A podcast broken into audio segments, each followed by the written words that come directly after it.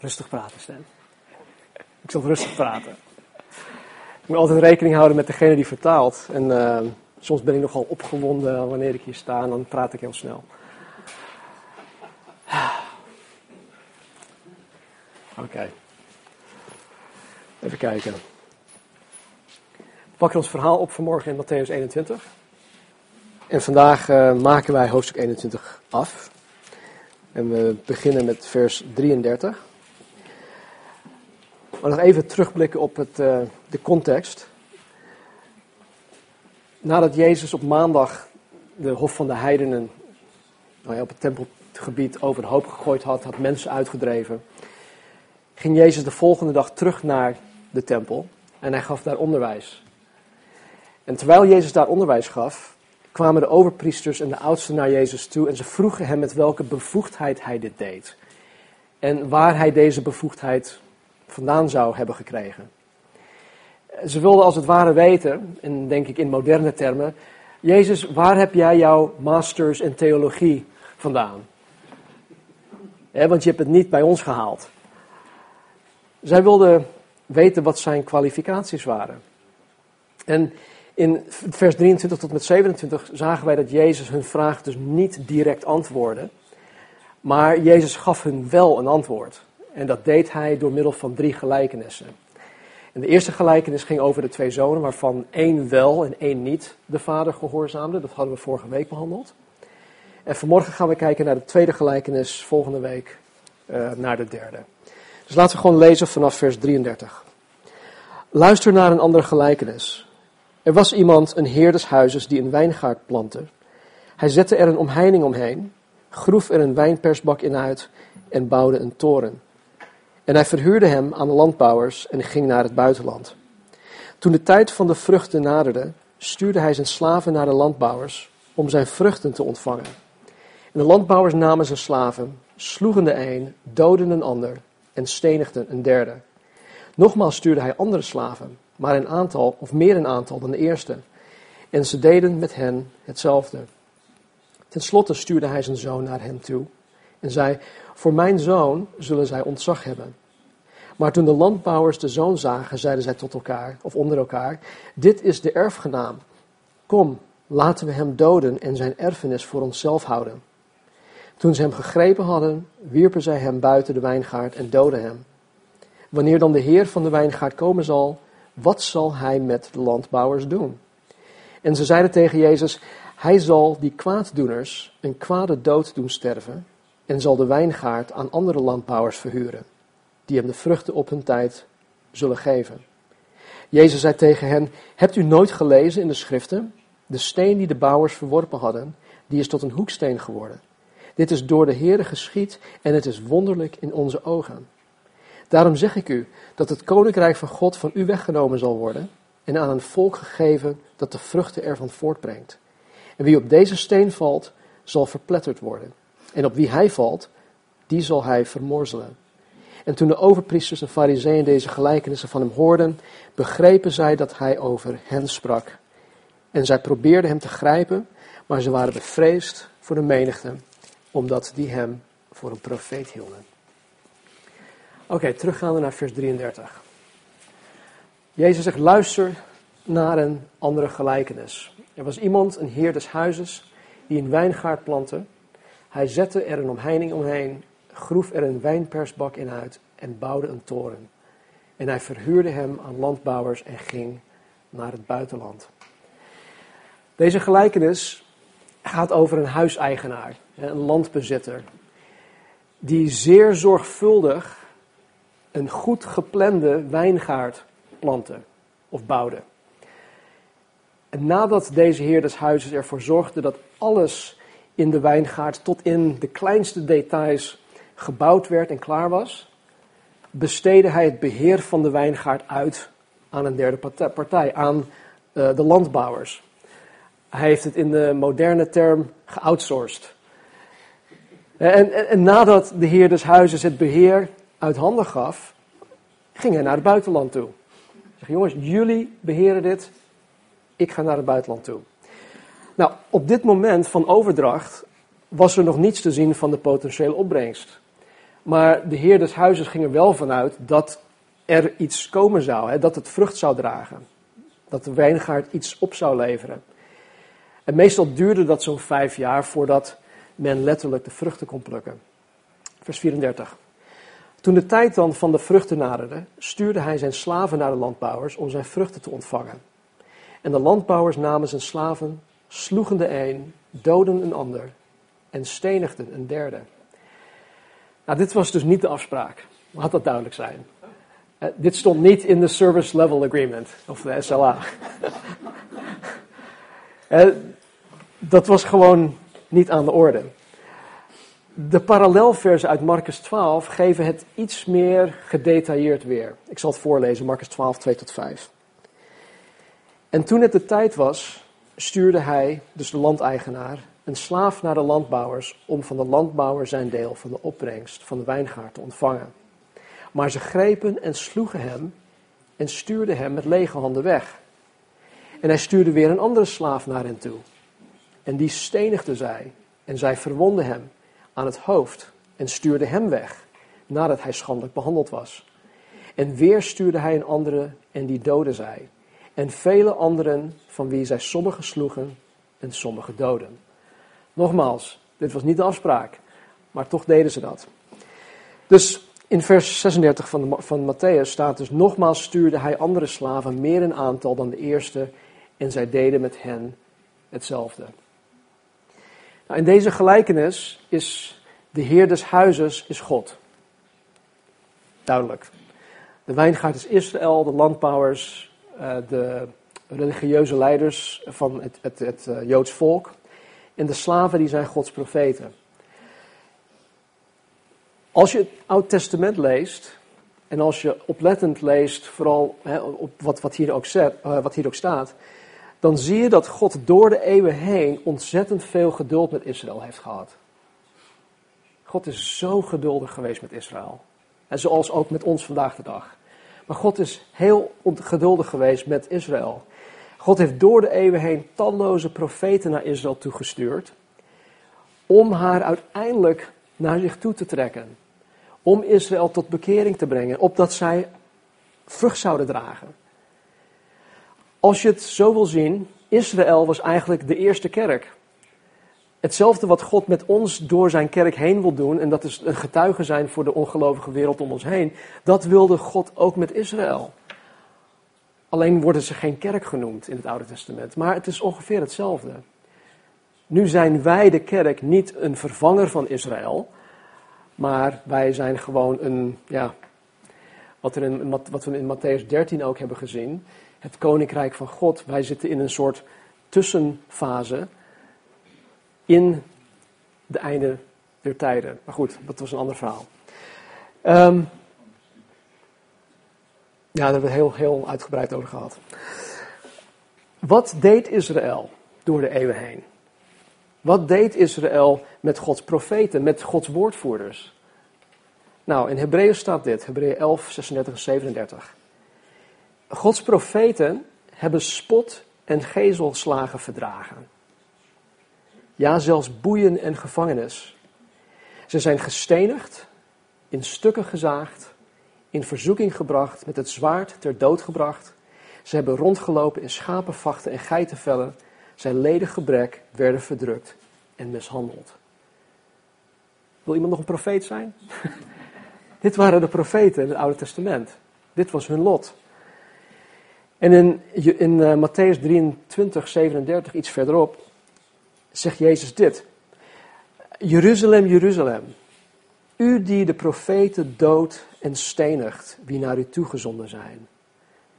Hoe vaak heb ik uw kinderen bijeen willen brengen, op de wijze waarop een hen haar kuikens bijeenbrengt onder haar vleugels, onder haar vleugels. Maar u hebt het niet gewild.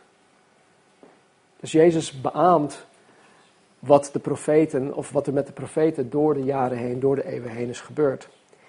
Gods profeten werden, net zoals de slaven in deze gelijkenis, mishandeld en ook, ook gedood. Wat mij hier in Matthäus opvalt, is hoe geduldig de Heer des Huizes in dit verhaal is. Hij stuurt één. Nou, die één die wordt geslagen. er staat dus letterlijk dat hij helemaal in elkaar geslagen werd, afgeranseld werd. En hij werd met lege handen teruggestuurd.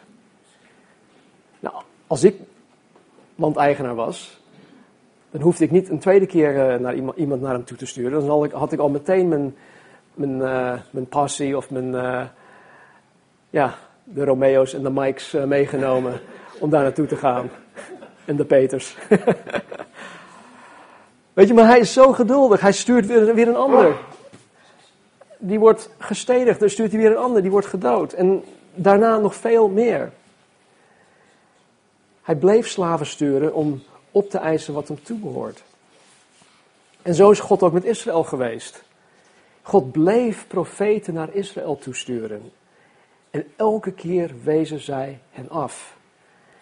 Vers 37. Ten slotte stuurde hij zijn zoon naar hen toe en zei: Voor mijn zoon zullen zij ontzag hebben. In het parallelvers uit Marcus 12 staat dat de Heer des Huizes zijn enige zoon had gestuurd. Zijn enige zoon die hij lief had, dat staat er letterlijk. Ja, ik vind het redelijk om te denken, te vinden van nou, ja, mijn zoon, ze zullen mijn zoon respecteren. Ze zullen ontzag hebben voor mijn zoon. Het is uiteindelijk zijn enige zoon. Het is een zoon die hij lief heeft. Hij is een, ja, een contract met hen uh, aangegaan. Zij hebben zich niet aan gehouden, maar goed, ik stuur nu mijn zoon. Maar, vers 38. Toen de landbouwers de zoon zagen, zeiden ze onder elkaar: Dit is de erfgenaam. Kom, laten we hem doden en zijn erfenis voor onszelf houden. Toen ze hem gegrepen hadden, wierpen zij hem buiten de wijngaard en doodden hem. Zover. Nou, natuurlijk kwam het wel eens voor dat zo'n heer des huizes in de tussentijd te overlijden kwam. Ja, dus zat uiteindelijk toch vijf jaar tussen ongeveer. En wat er ja, dan gebeurde in zo'n geval, als de landeigenaar overleed, ja, dan zou de zoon of de erfgenaam naar het verpachte land toe gaan om het in bezit te nemen. En in het verhaal legt Jezus dat ook uit. want als de landeigenaar gestorven was en als er dan geen erfgenaam meer was, dan zou degene die het land op dat moment beheerde, die zou dat gewoon kunnen toe-eigenen. Wie het eerst komt, wie het eerst maalt. Ja. En zij zaten er al. Dus dat was hun gedachte. Nou, in deze gelijkenis geeft Jezus dus ook aan dat de landbouwers de enige erfgenaam uit de weg wilden ruimen, zodat zij zelf het land in bezit konden nemen. En in dit verhaal bedoelt Jezus natuurlijk dat de zoon die de landbouwers vermoord hebben, Jezus zelf is. Hij spreekt over zichzelf.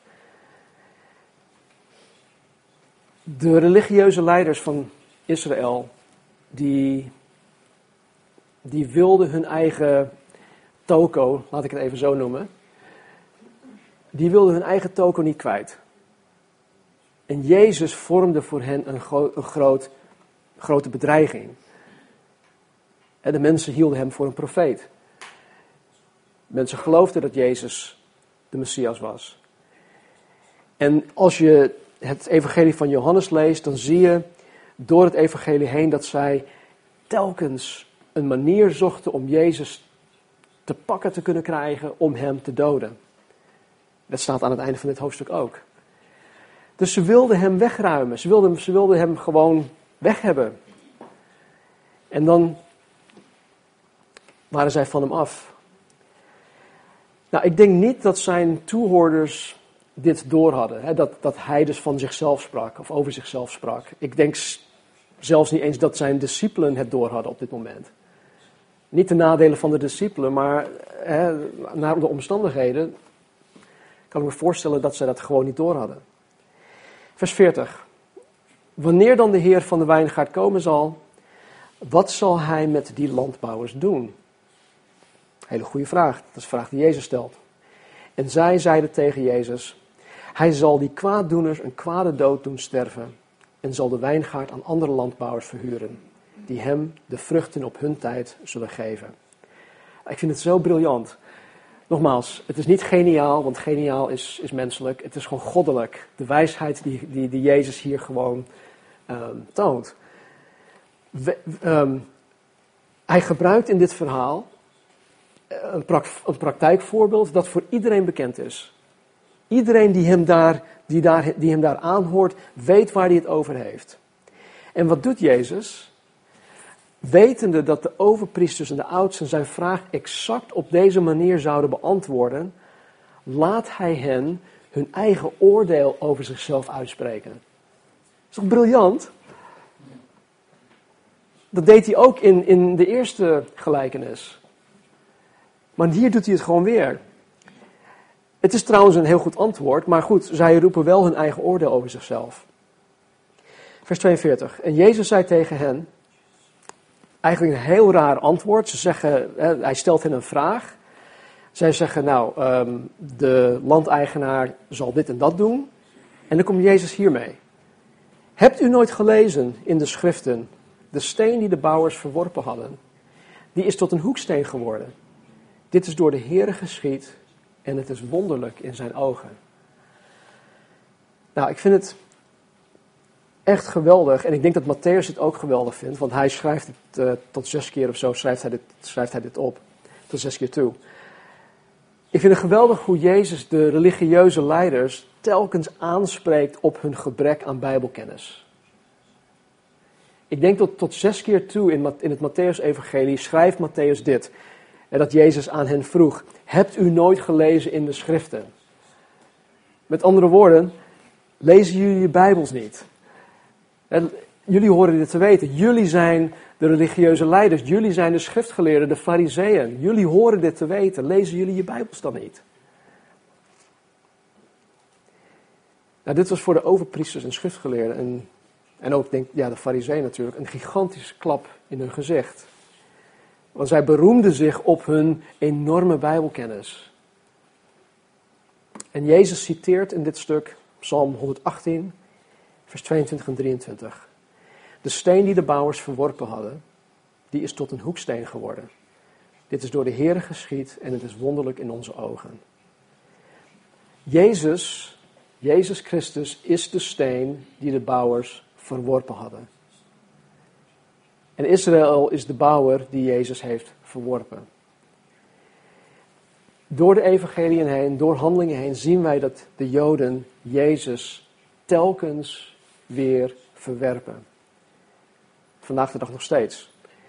In Johannes hoofdstuk 1, vers 11 staat dit: Jezus kwam tot het zijne. En Jezus kwam tot Israël. Jezus zei ook in, uh, in Matthäus 10, denk ik, toen hij de, de twaalf uitzond: Ik ben gekomen voor Israël. Ik ben niet gekomen voor, uh, om, om nu naar de heidenen toe te gaan. Dat komt nog wel, maar ik ben in eerste, in eerste plaats ben ik gekomen voor het land Israël, voor de kinderen van Israël. Dus hij kwam tot het zijne, Israël, maar de zijnen hebben hem niet aangenomen. Hij kwam tot het zijne en de zijnen hebben hem niet aangenomen. In Lucas 19:14 in een gelijkenis staat dit. Wij willen niet dat deze man, dus deze man Jezus, koning over ons zal zijn. Ze hadden hem weer verworpen. En hij werd en wordt vandaag de dag nog steeds door Israël verworpen. Maar dat neemt niet weg van het feit dat God de Vader Jezus tot een hoeksteen heeft gemaakt. Dat staat er in Psalm 118. En de hoeksteen waar het hier over gaat is, is een, een een essentieel onderdeel van het fundament van een bouwwerk. We hebben tegenwoordig ook hoekstenen opgebouwd, maar het zijn meestal sierstenen. En dan staat er een, een brons plakkaat of iets dergelijks op van, nou, dit is een hoeksteen, maar dat, daar gaat het niet over, om. Het gaat over een essentieel onderdeel van het fundament. Het is de eerste steen die gehouden wordt. Het is de eerste steen die geplaatst wordt. En de, de plaatsing van alle overige bouwstenen is volkomen afhankelijk van deze ene hoeksteen. Als wij dit gebouw op, op die oude manier zouden gaan bouwen, nou, dan zouden we ergens in een hoek die hoeksteen plaatsen en van daaruit werd de rest gebouwd. Nou, zonder een nauwkeurig geplaatst hoeksteen zal een gebouw niet kunnen staan. Of niet goed kunnen staan. En het zou ook niet op de juiste plaats staan. Jezus zegt, het is wonderlijk, of Psalm 818 zegt, het is wonderlijk in onze ogen dat God de Vader Jezus als hoeksteen in de bouw van de kerk heeft geplaatst. Weet je, wij, wij die meebouwen, wij die mee mogen bouwen, want het is een voorrecht. Hè? Wij zijn Gods medearbeiders. Wij zijn Gods of Jezus collega's hierin. Wij die mee mogen bouwen aan zijn kerk, moeten altijd rekening houden met de hoeksteen. Het is niet dat we ons eigen ding kunnen doen. Van ik ben hier met, een, met, met het bouwwerk bezig en ik doe gewoon mijn eigen ding. Ik heb mijn oogklep op en ik doe gewoon mijn ding. Nee, wij moeten rekening houden met de hoeksteen. We moeten ons altijd afvragen, waar is die hoeksteen eigenlijk geplaatst? Hoe is die hoeksteen geplaatst? En waar bevind ik mij in het bouwwerk? In het Engels zeggen we uh, wel eens, um, als we het hebben over True North. Kennen jullie die gezegd in het Nederlands? Nee. Um, True North. Paul, help me. nee, True North is, is, ja, dat zeggen we als we, ons, uh, als, we, als we de richting kwijt zijn en we willen de richting weer terugvinden, dan weten we nou, uh, that's True North. We weten nu weer waar we zijn. En Jezus is in die zin, als de hoeksteen, is, is ons, onze True North. Hè? Het is, hij geeft ons richting. En wanneer wij aan het bouwen zijn, moeten we altijd van de hoeksteen weten waar wij mee bezig zijn. Wij horen niets in zijn naam te doen zonder dat wij ons aanpassen aan de hoeksteen. En misschien ben ik een kleine bouwsteen. Maar ik ben een kleine bouwsteen die precies past op die plek waar ik voor gehouden ben. Nou, als ik per se de plaats van een grotere steen wil innemen, dan gaat dat ten koste van het bouwwerk. Dan breng ik de rotsvastheid van het gebouw in gevaar. want ik ben een steen van, van 30 bij 30 bij 30 en ik wil per se een plaats innemen van 100 bij 100 bij 100. Nou, dan heb je een hoop leegte om me heen en het gaat ten koste van het bouwwerk. Dus het is absoluut um, noodzakelijk dat ik per se de plek inneem waarvoor ik gehouden ben. Het is dus zaak dat ik mezelf de plaats toe-eigen in relatie tot de hoeksteen. Oftewel, waar Jezus mij per se wil hebben. En dat geldt voor ieder van jullie. God heeft al een, een plek voor, voor ogen waar hij jullie hebben wil in zijn bouwwerk. Het feit dat wij hier allemaal gezamenlijk als gemeente zitten, dat, dat is stap 1. Maar nu, binnen de, binnen de gemeente, wat vraagt God van jou? Wat is jouw plaats? Je moet het niet aan mij vragen. Je moet, het, je moet bij de hoeksteen zijn. Ik kan je wel daarin wel begeleiden. Ik kan wel suggesties aandragen. Maar uiteindelijk is het toch Gods werk. Hij is de pottenbakker. Wij zijn het klei.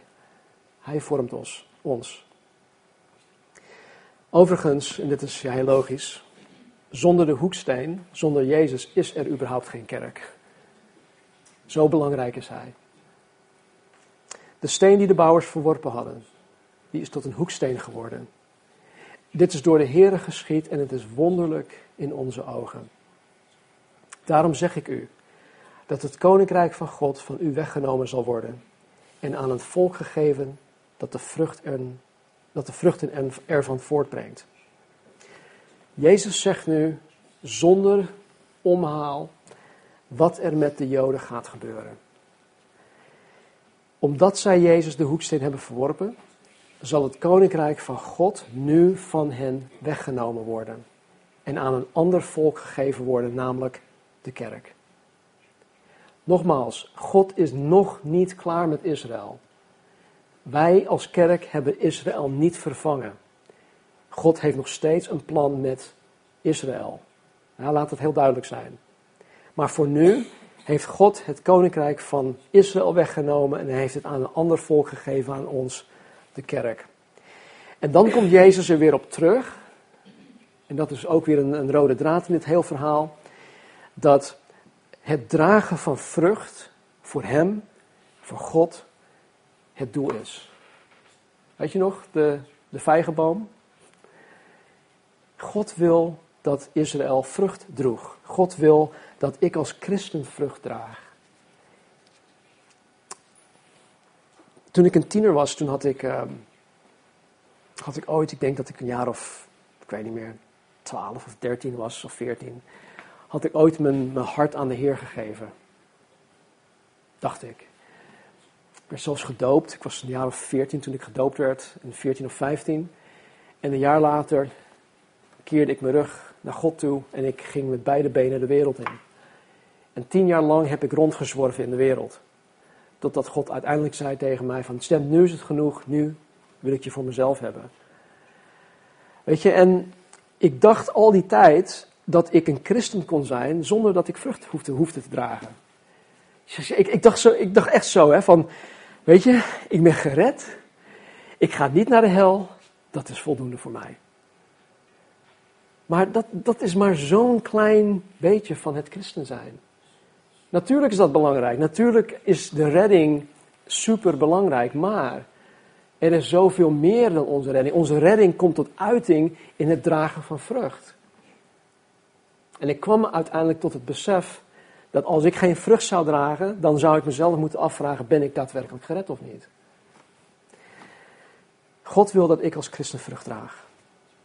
God wil genieten van mijn vruchtbaar leven. Trouwens, eh, vrucht, hè, als je denkt aan vrucht of een, een, laten we het even een schaal fruit noemen. Voor wie is dat bestemd? Als ik een appelboom ben en ik draag appels, voor wie is dat? Is dat voor mezelf? Nee. Het is voor anderen om, om van te genieten. En dat is ook het, het, het, het geestelijk vrucht dragen. De vrucht van de geest, liefde en al die andere dingen. Het is voor het genot van jullie. Als ik geen vrucht draag, dan ben ik letterlijk niet te genieten. En het is Gods bedoeling dat jullie van de vruchten in mijn leven genieten. En God ook. Vers 44. En wie op deze steen valt, zal verpletterd worden. En op wie hij valt, die zal hij vermorzelen. Ik had gisteren een berichtje gestuurd, verpletterd of vermorzeld. Geen van beide, liever niet. Maar ik denk dat, dat, dat, dat, we vanmorgen toch wat duidelijkheid daarin zullen gaan krijgen. Op eerste gezicht lijken ja, geen van beiden iets waar je echt op zit te wachten. Je zal of verpletterd worden, of vermorzeld. Lijkt heel veel op, op, op elkaar. Maar Jezus zegt, wie op deze steen valt, zal verpletterd worden.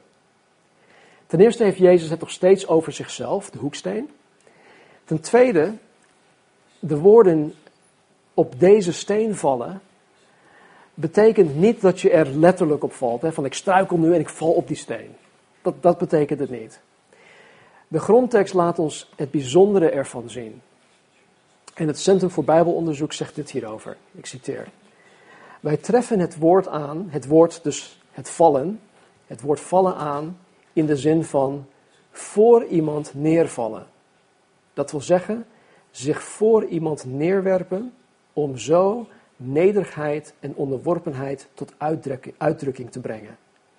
In het bijzonder wordt gesproken over neervallen voor God om te bidden of om Hem te aanbidden. Einde citaat.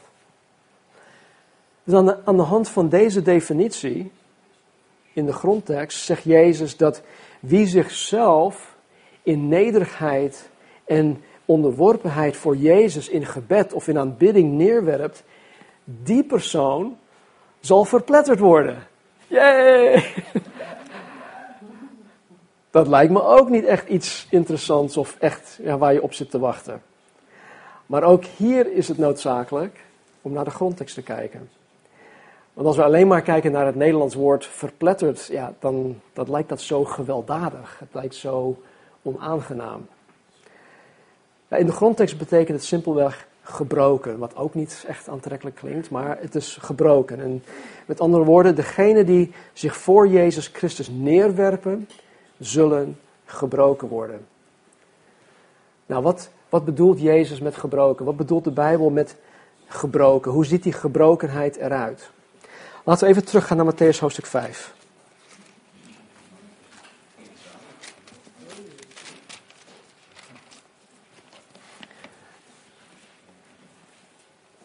Matthäus hoofdstuk 5 van vers 3.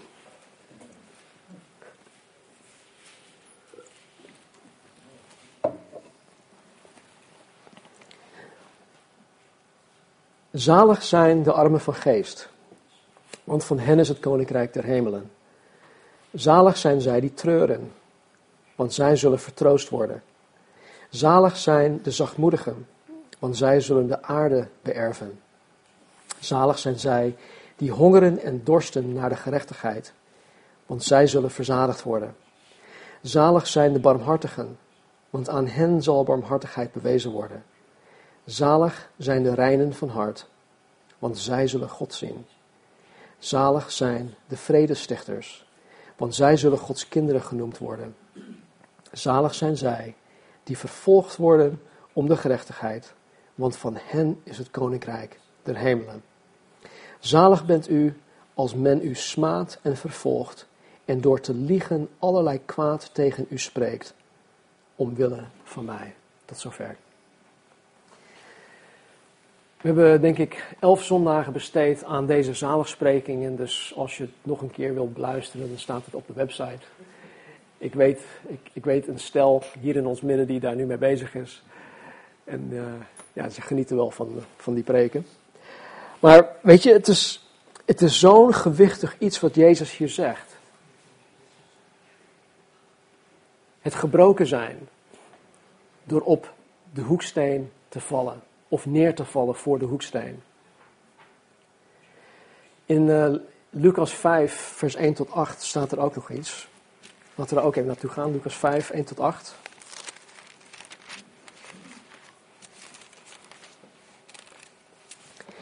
Hier zien we in de praktijk hoe deze gebrokenheid eruit ziet.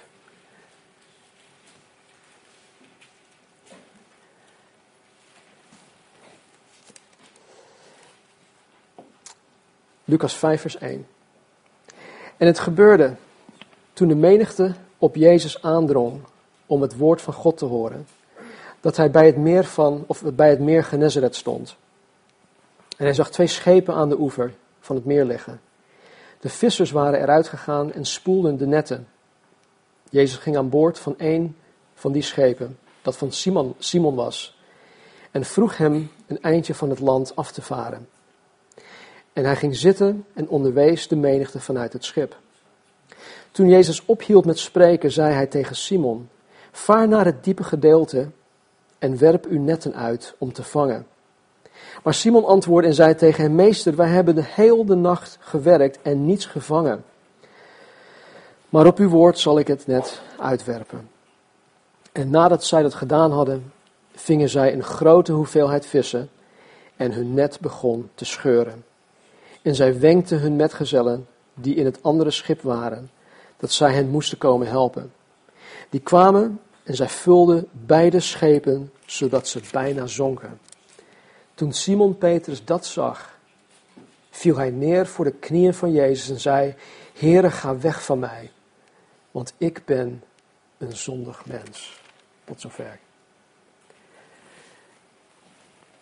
Petrus die was op dat moment doordrongen van het feit dat Jezus de Messias is. En wat gebeurt er? Hij valt als het ware op de hoeksteen en hij werd gebroken. Er was niks meer van hem over. Hij was gewoon gebroken. En het enige wat hij kon zeggen was: O Heer, ga alsjeblieft van mij weg. Ik ben zo zondig. U, u, u moet het weten. Dat is de gebrokenheid. Dat is ook dezelfde gebrokenheid uit de zaalsprekingen. Zoals er in de zaalsprekingen staat. En zoals Jezus zegt dat ik ook door de nauwe poort het koninkrijk binnen moet gaan. Zoals ik op het smalle pad moet blijven wandelen die naar het leven leidt. Zo moet een ieder die gered wil worden vallen op de hoeksteen. Wij moeten allemaal stuk voor stuk gebroken worden. Wie, in vers 44, op deze steen valt, zal verpletterd worden. Dat is positief. En op wie hij valt, die zal hij vermorzelen. Nou, in deze zin spreekt Jezus heel duidelijk dat het oordeel over Israël komen zal. Het zit eraan te komen. De steen des aanstoots zal op Israël vallen als de steen des oordeels. En in de grondtekst betekent het woord vermorzelen dat, uh, dat iets helemaal tot, tot poeder gemalen wordt. Het wordt helemaal tot poeder gemalen. Het woord uh, betekent ook, of het wordt ook gebruikt in de zin dat het koren van kaf gezuiverd werd. Dat is ook weer een bijbels iets. En het CVB zegt dit. Dit woord van vermorzelen, het woord vermorzelen, wordt in eerste instantie gebruikt voor gedorst graan met een wanzuiveren. Door het in de lucht te schudden waarbij het kaf weggeblazen wordt. Dus Jezus zegt letterlijk dat als het oordeel op je komt, dan word je als het ware weggeblazen. Er blijft niks meer van je over. En dit gebeurde letterlijk toen Jeruzalem in 70 na Christus door de Romeinse keizer Titus geheel verwoest werd. En wat gebeurde er met de Joden? Die werden verdreven, die werden verstrooid. In 70 na Christus werden, gingen, gingen alle Joden weg. Ze gingen naar alle landhoeken van, van de aarde. En pas in 1948 keerden ze weer terug naar Israël. Dus bijna 2000 jaar lang had Israël geen eigen land. En dat is op zich al uniek, want er is geen enkel ander volk die ooit voor zo'n lange tijd hun land niet meer uh, in, in, in bezit had. En dan na 2000 jaar toch weer terug zou komen. Dus dat is op zich al een getuigenis van Gods genade en dat, en dat God echt hun, hun ook echt heeft uitverkoren. Nou, het vermorzelen heeft ook een bredere betekenis. In de zin dat een ieder die Jezus verwerpt, onder Gods oordeel komt te staan. En dat wil zeggen dat die persoon niet gered zal worden. Dat is heftig. Maar Jezus zegt heel duidelijk in Johannes 14:6: Ik ben de weg, de waarheid en het leven. Ik, ik ben de weg, de waarheid en het leven, zegt Jezus. Niemand komt tot God de Vader dan door mij. Het is niet zo dat alle wegen tot de hemel leiden. Alle wegen leiden wel uiteindelijk tot God, maar of je nu toegang krijgt tot de hemel is weer een andere kwestie. Jezus is de weg, de waarheid en het leven. In Handelingen 4, 11 en 12 staat dit. Deze Jezus is de steen die door u, de bouwers, veracht werd, maar die de hoeksteen geworden is. De zaligheid is in geen ander, want er is onder de hemel geen andere naam onder de mensen gegeven waardoor wij zalig moeten worden. Met andere woorden, er is geen andere mogelijkheid om gered te zijn, om gered te worden. Er is geen andere naam onder de mensen gegeven waardoor wij zalig moeten worden. Echt niet. En dan in 1 Johannes 5, 11 en 12 staat dit. En dit is het getuigenis. En dit is trouwens ook onze getuigenis. Hè. Hiermee kunnen wij getuigen. Namelijk dat God ons het eeuwige leven gegeven heeft. En dit leven is in zijn zoon. Als jullie niet weten van, joh, hoe moet ik nou getuigen tegen mensen? Nou, dan kan je tegen mensen zeggen, dit is het getuigenis. Namelijk dat God mij het eeuwig leven gegeven heeft en het eeuwig leven is in zijn zoon. Nou, dat zal een hoop vragen bij de mensen opwekken. Genoeg stof om over te spreken. Ik garandeer je het. Wie de zoon heeft, zegt Johannes, heeft het leven. Wie de zoon van God niet heeft, heeft het leven niet. Het is zo simpel. En toen de overpriesters en fariseeën deze gelijkenissen van hem hoorden, begrepen zij dat hij over hen sprak. En ze probeerden hem te grijpen, maar ze waren bevreesd voor de menigte, omdat die hem voor een profeet hielden. Nou, het kwartje viel uiteindelijk bij de overpriesters en de fariseeën. Maar toch verharden zij zich. Zij bleven zich gewoon verharden. Weet je, en wij kunnen dat ook doen. Het is niet zo dat, oh ja, die fariseërs en die schriftgeleerden, ja, dat was voor hun. Zo ben ik niet. En dat, dat overkomt mij ook niet. Maar weet je, elke keer als je onder het woord komt en de Heilige Geest die spreekt tot je hart, als je dat opzij schuift, als je dat negeert, dan verhard je je hart daarvoor. En elke keer als God tot je spreekt en je daar niks mee doet, dan verhard je je hart. En je hart wordt steeds harder en harder en harder en harder, totdat je op een gegeven moment misschien Gods stem niet eens meer kan horen en verstaan. En dat is een hele trieste zaak. Ik heb me jarenlang verhard tegen de stem van God. Het is alleen door Gods genade dat, dat Hij mij heeft kunnen bereiken. Door de talloze gebeden van onder andere Bert en Thea en mijn moeder en mijn zussen en Marnie en mijn dochter Christine. Ik denk dat Ashley zelfs ook voor me gebeden heeft. Weet je, maar het is mogelijk om, om hier elke zondag te komen en je hart te verharden. Wij, wij zijn daartoe in staat als mens. Laat dat alsjeblieft niet gebeuren. Oké. Okay. Ehm.